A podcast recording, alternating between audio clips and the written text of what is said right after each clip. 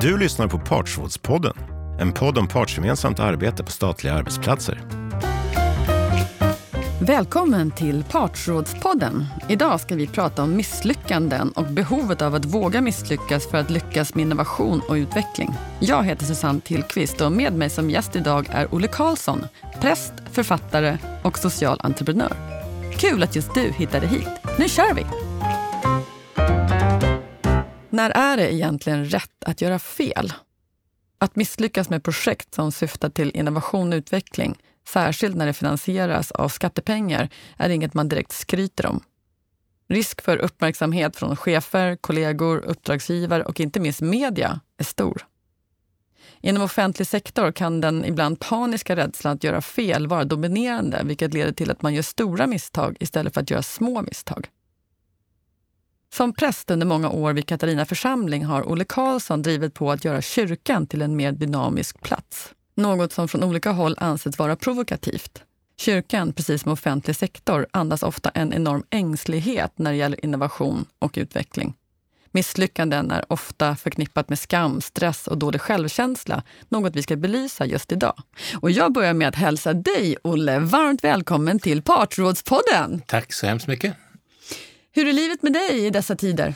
Livet är eh, bra. Det är konstiga tider, men det, jag eh, är van att livet är konstiga tider också. Det är som ett arbete. Jag möter ju ofta människor som går igenom kriser och eh, förlorar nära anhörig. Så att liksom, men det är en väldigt konstig kris, för det är ingen som riktigt vet var den tar vägen. Så att ehm, det är väldigt speciellt. Sen brukar folk också komma till kyrkan i sådana tider och nu kan man inte samlas lokaler heller, så det är lite, lite konstigt. Är det. Mm. Men har ni fler besökare i kyrkan nu?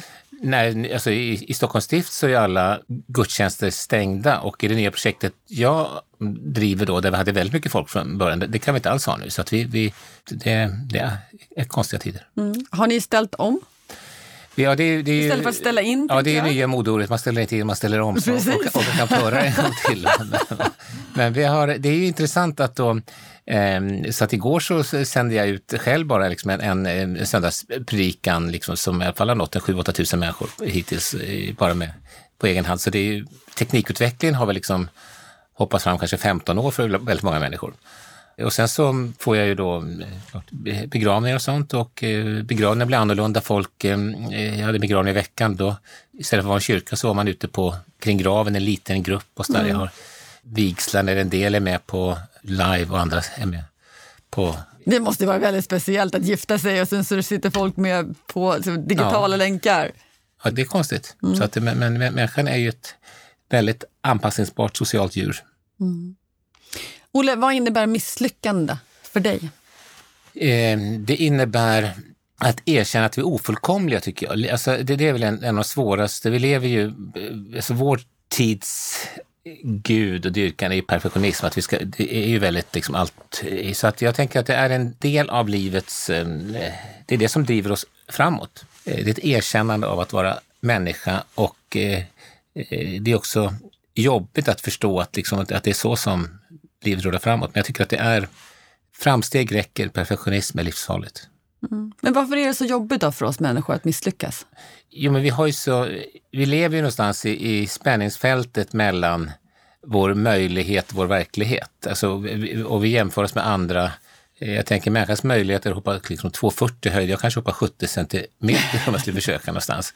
Dels så tror jag i vårt land också, i och med att vi lever så långt ifrån varandra, att vi har vi har liksom social distansering som liksom genetisk kod nästan, så det mm. kanske hjälper oss nu också. Alltså, så känner vi ju inte varann och det innebär att vi har massa, tycker jag, ytliga bilder av varann. Så att ju mer vi lär känna varann så blir det lättare, för då ser vi ju att, att vi håller på med charader och spelar. Så att, men det, det är jobbigt att det bryter mot hela tidsandan när vi ska framstå som att vi har koll på läget. Men vi lever ju också i en, en tid där vi kan kontrollera nästan allt. Alltså med vad barnen är, med, med mobiltelefoner och vi kan googla fram recept och så här. Så det är ju, vi har ju skapat en värld där vi har väldigt mycket kontroll också på alla sätt och plan och kost och allting. Och så, så är det ändå en, en chimär så att eh, det bryter mot tidsandan.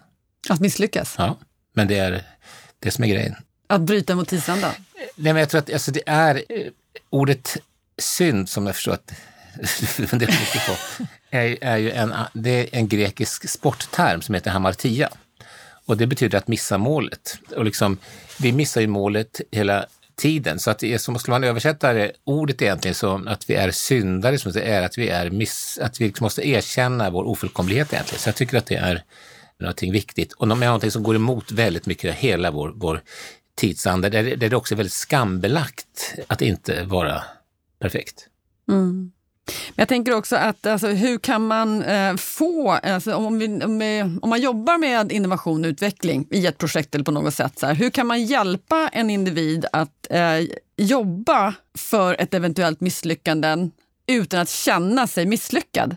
Jag vet ju inte riktigt, men i, i kyrkans värld så kyrkan är ju inte direkt mästare på innovationer. Liksom, utan det, det, jag tänker det kanske är kungahuset som är mera liksom, rigid och konservativt och eh, som tung institution egentligen. Så att eh, jag, jag tänker i just offentlig sektor, de miljöerna där du inte har eh, det ekonomiska kravet på dig att eh, tvingas ställa om om det inte håller längre, så är det väldigt svårt med misslyckande. Så att jag, eh, jag har jobbat i en miljö där det var väldigt hotfullt att bara vara annorlunda eller sticka ut, men det under de här åren, det var fantastiska år att jobba i Katarina församling, men egentligen har inget blivit som jag har tänkt med det. Liksom, när vi har, det har, men jag tror att det är det som gjorde, gjort att jag vågade egentligen någonstans är också att jag har, har eh, min egen alkoholism i ryggen någonstans. Att jag var med någonstans när livet tog slut. Så att jag, har, jag, jag har tagit mig igenom någonting som var så pass svårt så att det, det, ska, det är svårt liksom möta dem till tycker jag egentligen. Mm. Och som du sa, du har varit präst i 40 år ja. och du har varit vid Katarina församling i 25, 25 år. Ja. precis. Och det är väl sedan 10 år tillbaka ungefär som du har eh, ställt om den församlingen, tänker jag. Mm. Vad låg bakom den, den liksom drivkraften att just göra någonting med församlingen? Alltså, jag tror alltid att jag har haft det. Jag vet min, min syster sa något till mig, kan du inte bara ha lite, liksom, måste du ha så höga ambitioner allt? Men liksom, jag, alltså, dels som man då är kristen och på något sätt ska följa det här, liksom, den här märkliga, märkliga gåtfulla gestalten som ju också misslyckats totalt, som blir korsfäst. Han liksom, och ändå lyckas. Så eh, är det ju någonting som ändå är väldigt uppfordrande. Då kan man inte göra saker lagom tycker jag. Och, eh, så jag har, känner att det finns ett starkt uppdrag och att det finns en väldigt stark andlig längtan, ett behov av mening och sammanhang eh, och förlåtelse. Och där tycker jag inte att kyrkan har tagit sitt ansvar. Och där har jag känt mig identifierat mig med de som behöver det här. Och då har jag tagit den matchen. Mm. Så att få, att få folk att komma samman? Det är det viktigaste tycker jag. Mm. Alltså det, det, är viktiga, det är kyrkan för mig och det är viktigare än institutionen. För mig är det det som är hela grejen. Mm. Du brukar ju prata om eh, att eh, kyrkan är en väldigt ängslig organisation. Går det att beskriva på något sätt, liksom, vad kännetecknar den här ängsligheten i organisationen? Jag, jag, tycker att det syns ju, liksom, jag vet inte om du varit på någon gudstjänst på sista tiden, men om man går in i en, en svensk gudstjänst, den är ju väldigt ängslig. Prästen håller sig till en bok som man står och läser ur och man eh, ska stå och sitta och kommer du in, eh, det, det är ett väldigt inifrån perspektiv. Kommer, kommer du in som besökare in att vara där så är det väldigt svårt att förstå koderna. Och att det som kommer utifrån känner sig väldigt osäker, men det här jag tror att det är en väldigt homogen grupp där man har lärt sig koder som man då vårdar väldigt starkt. Men, och bryter man mot det, det, det är alla de här yttre ritualerna och rutinerna som är det viktiga. Och för mig så handlar det om att man kanske också förlorar kontakt med liksom någonting, en inre verklighet. Mm. Och kan du säga någonting om, om hur det här utvecklingsarbetet gjordes? I början på 90-talet så gick jag igenom en alkoholbehandling och alltså för mig blev det en väldigt, liksom, det är inget jag, det är så många som super för mycket så inkomster med det, men det, det, jag, jag lärde mig någonting väldigt fascinerande. Och jag gick på sådana A-möten och det handlar om att ska du själv ta dig igenom ett eh, Ska du förändra ditt eget liv så måste du ha en stödgrupp. Alltså det är liksom A och O. Och har du en stödgrupp så kan du nästan lyckas med vad som helst. Och eh, jag uppfattar ju egentligen då den kyrkliga institutionen ibland ofta som en ganska dysfunktionell miljö. Alltså som, alltså, man ska tänka sig en missbruksfamilj och den kan du inte ge dig på själv. Utan det som jag gjorde som var eh, hemligheten var att jag hade så många ut... Min församling, kyrka, har egentligen varit de som inte går i kyrkan och på något sätt var det den gruppen av människor som på något sätt nästan tog över och ockuperade kyrkan. Så det var, det var en slags maktkamp egentligen, där människor nästan trängde sig in egentligen och bröt den här ängsligheten. Och det var nog den skill stora skillnaden. Det finns, jag tror väldigt många, det är inte så att en del är emot förnyelse, en del är för, utan jag tror att det är, vi har en kamp inom oss själva, utan det som var nyckeln för mig var att jag då själv hade gått igenom en sån kris och hade sånt nätverk av människor som på något sätt var med och öppnade upp och skapade en väldigt annorlunda plats.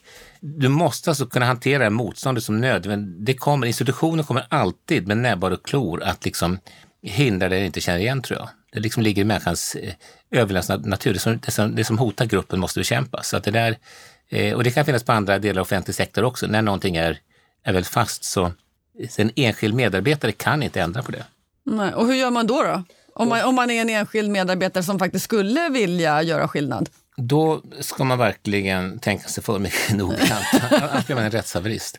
Jag, tänker, jag tror att man måste organisera sig. Jag, tänker att det, alltså jag hade mer tänkan att, att jag hittade människor som jag lierade mig med som då det är också ganska lätt att tror jag, ändra på alltså om, om du väl, en institution är väldigt fast men den har ingen djup förankring i någon verklighet tycker jag. Så att om du, eh, är man några stycken så kan man verkligen göra saker. Men för mig var jag hade mer A-tänkande. Precis som alkoholism på ett A-möte så hade jag med mig nästan en supportgrupp som var med och att, att vi då eh, förnyade kyrkan. Mm. Och kan du berätta någonting mer om liksom vad, vad det, den här förnyelsen, vad bestod den av? Om man skulle beskriva före och efter.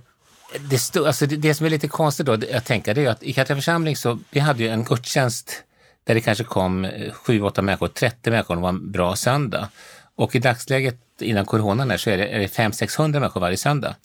Och det var egentligen så har det handlat om en maktförskjutning. Det, det är så att förklara här så att man, om man inte är införstådd, men jag ska försöka i alla fall. Att det, det, den stora förändringen var att jag hade alltså en, ett stort nätverk, men precis som jag gör nu också, ett nätverk av människor som inte egentligen är så religiösa eller eh, uppväxta i kyrkan, som på något sätt har fått förtroende för mig och som också har, liksom vill vara en del. Och det vi gjorde för 25 år sedan, det är 10 år sedan var kyrkan, men 25 år sedan började församlingen, så var det egentligen att eh, dels i gudstjänsten så var de med och eh, formade om gudstjänsten, deltog, sjöng, spelade, hälsade välkomna, delade ut nattvarden. Så det var egentligen att jag delade ut uppgifter någonstans och har en slags maktförskjutning. Jag vet inte om jag går att förklara, men det mm. är egentligen det. Jag tror väldigt mycket på en stark delaktighet. Mm. Du brukar säga att meningen med livet är att skapa. Ja, det tror jag verkligen. Ja, kan du utveckla det?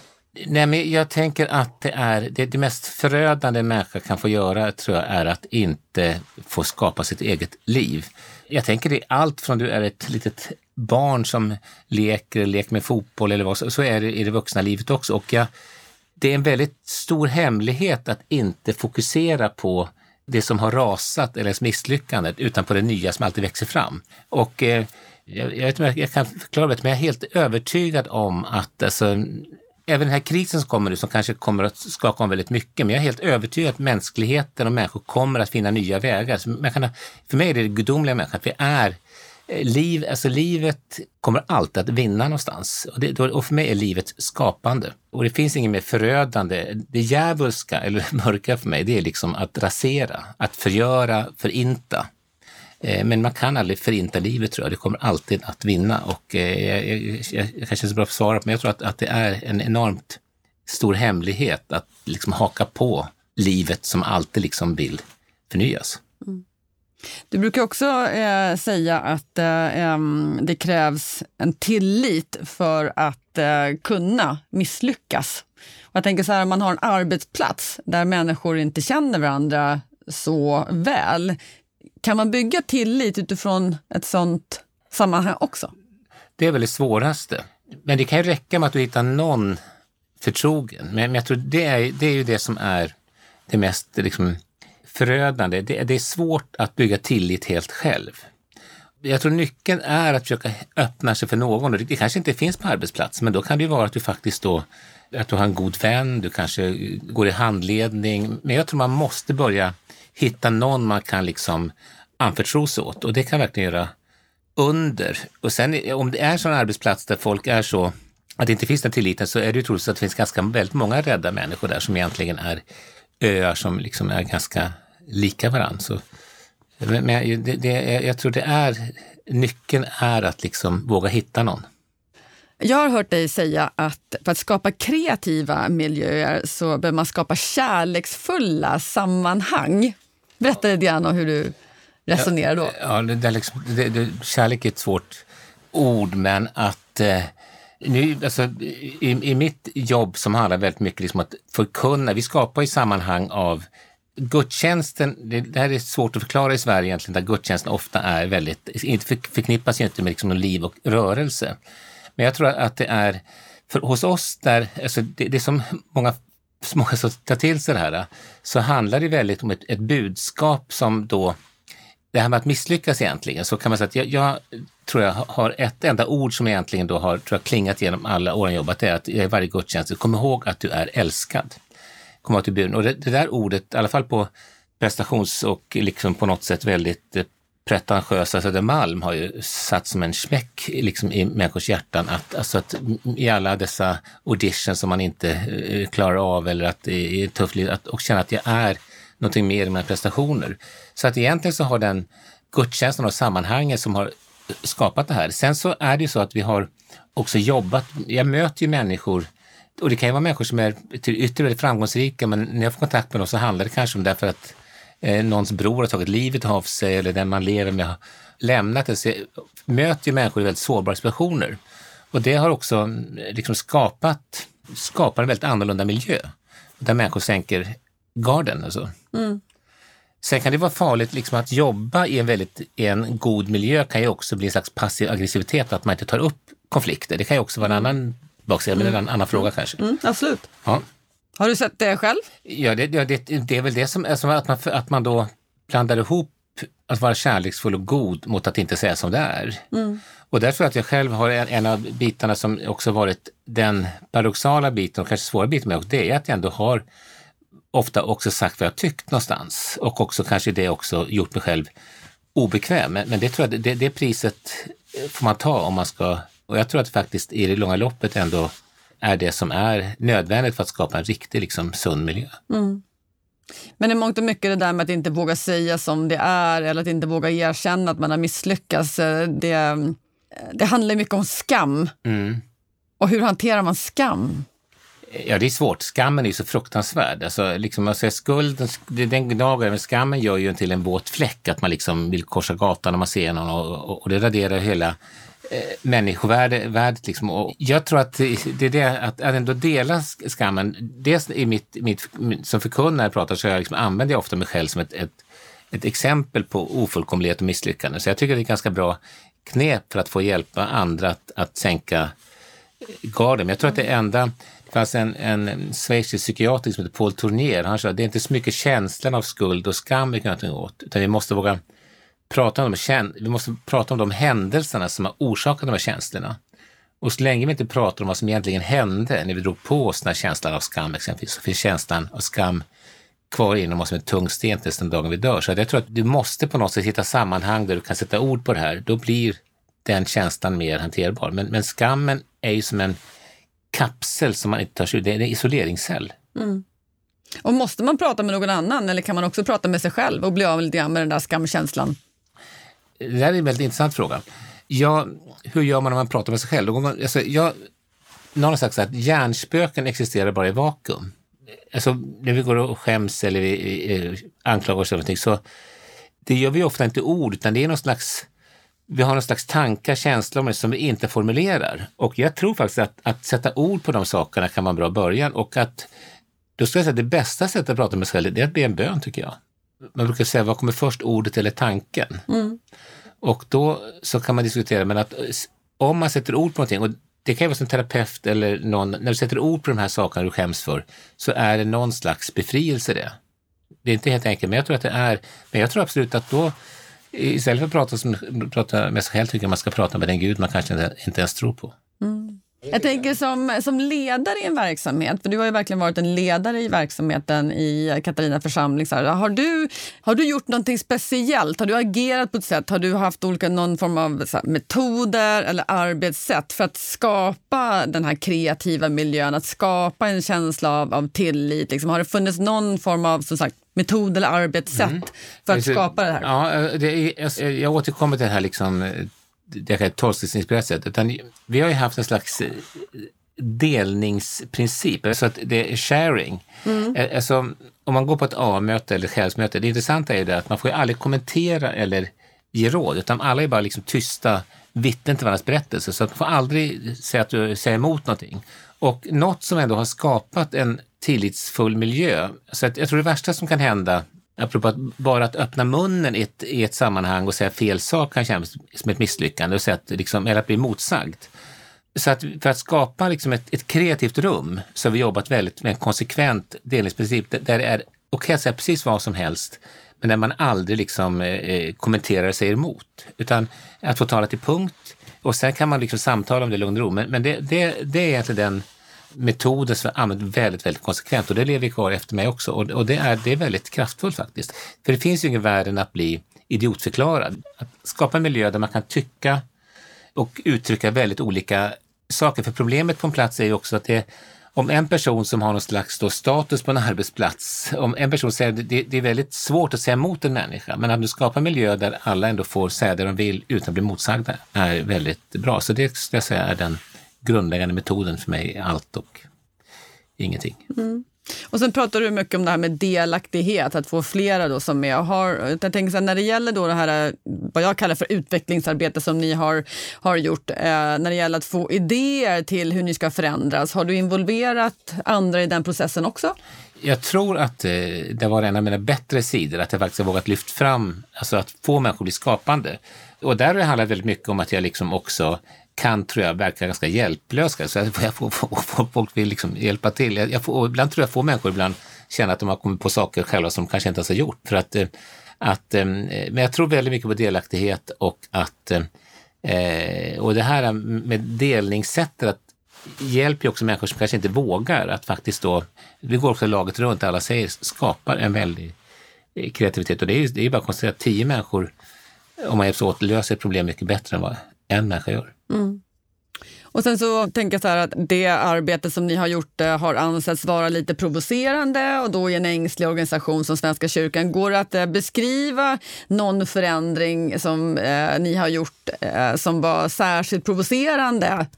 Det mesta har varit provocerande faktiskt, men jag tror att det finns också en, en eh, stolthet i det eh, bara vårt sätt att fira gudstjänst, att inte liksom prästen själv är den som håller i gudstjänsten har varit väldigt, väldigt provocerande. Bara att vi plockade ner alla kyrkoherde liksom porträtt på en vägg i en tom församlingssal och gjorde en restaurang där, liksom har skapat väldigt mycket. Att du eh, kanske anställer människor som kommer med helt fel bakgrund, som är väldigt annorlunda än du själv är, har skapat väldigt mycket. Så egentligen tycker jag att det har varit nästan all förändring har varit provocerande. Mm. Och hur har det hanterats då?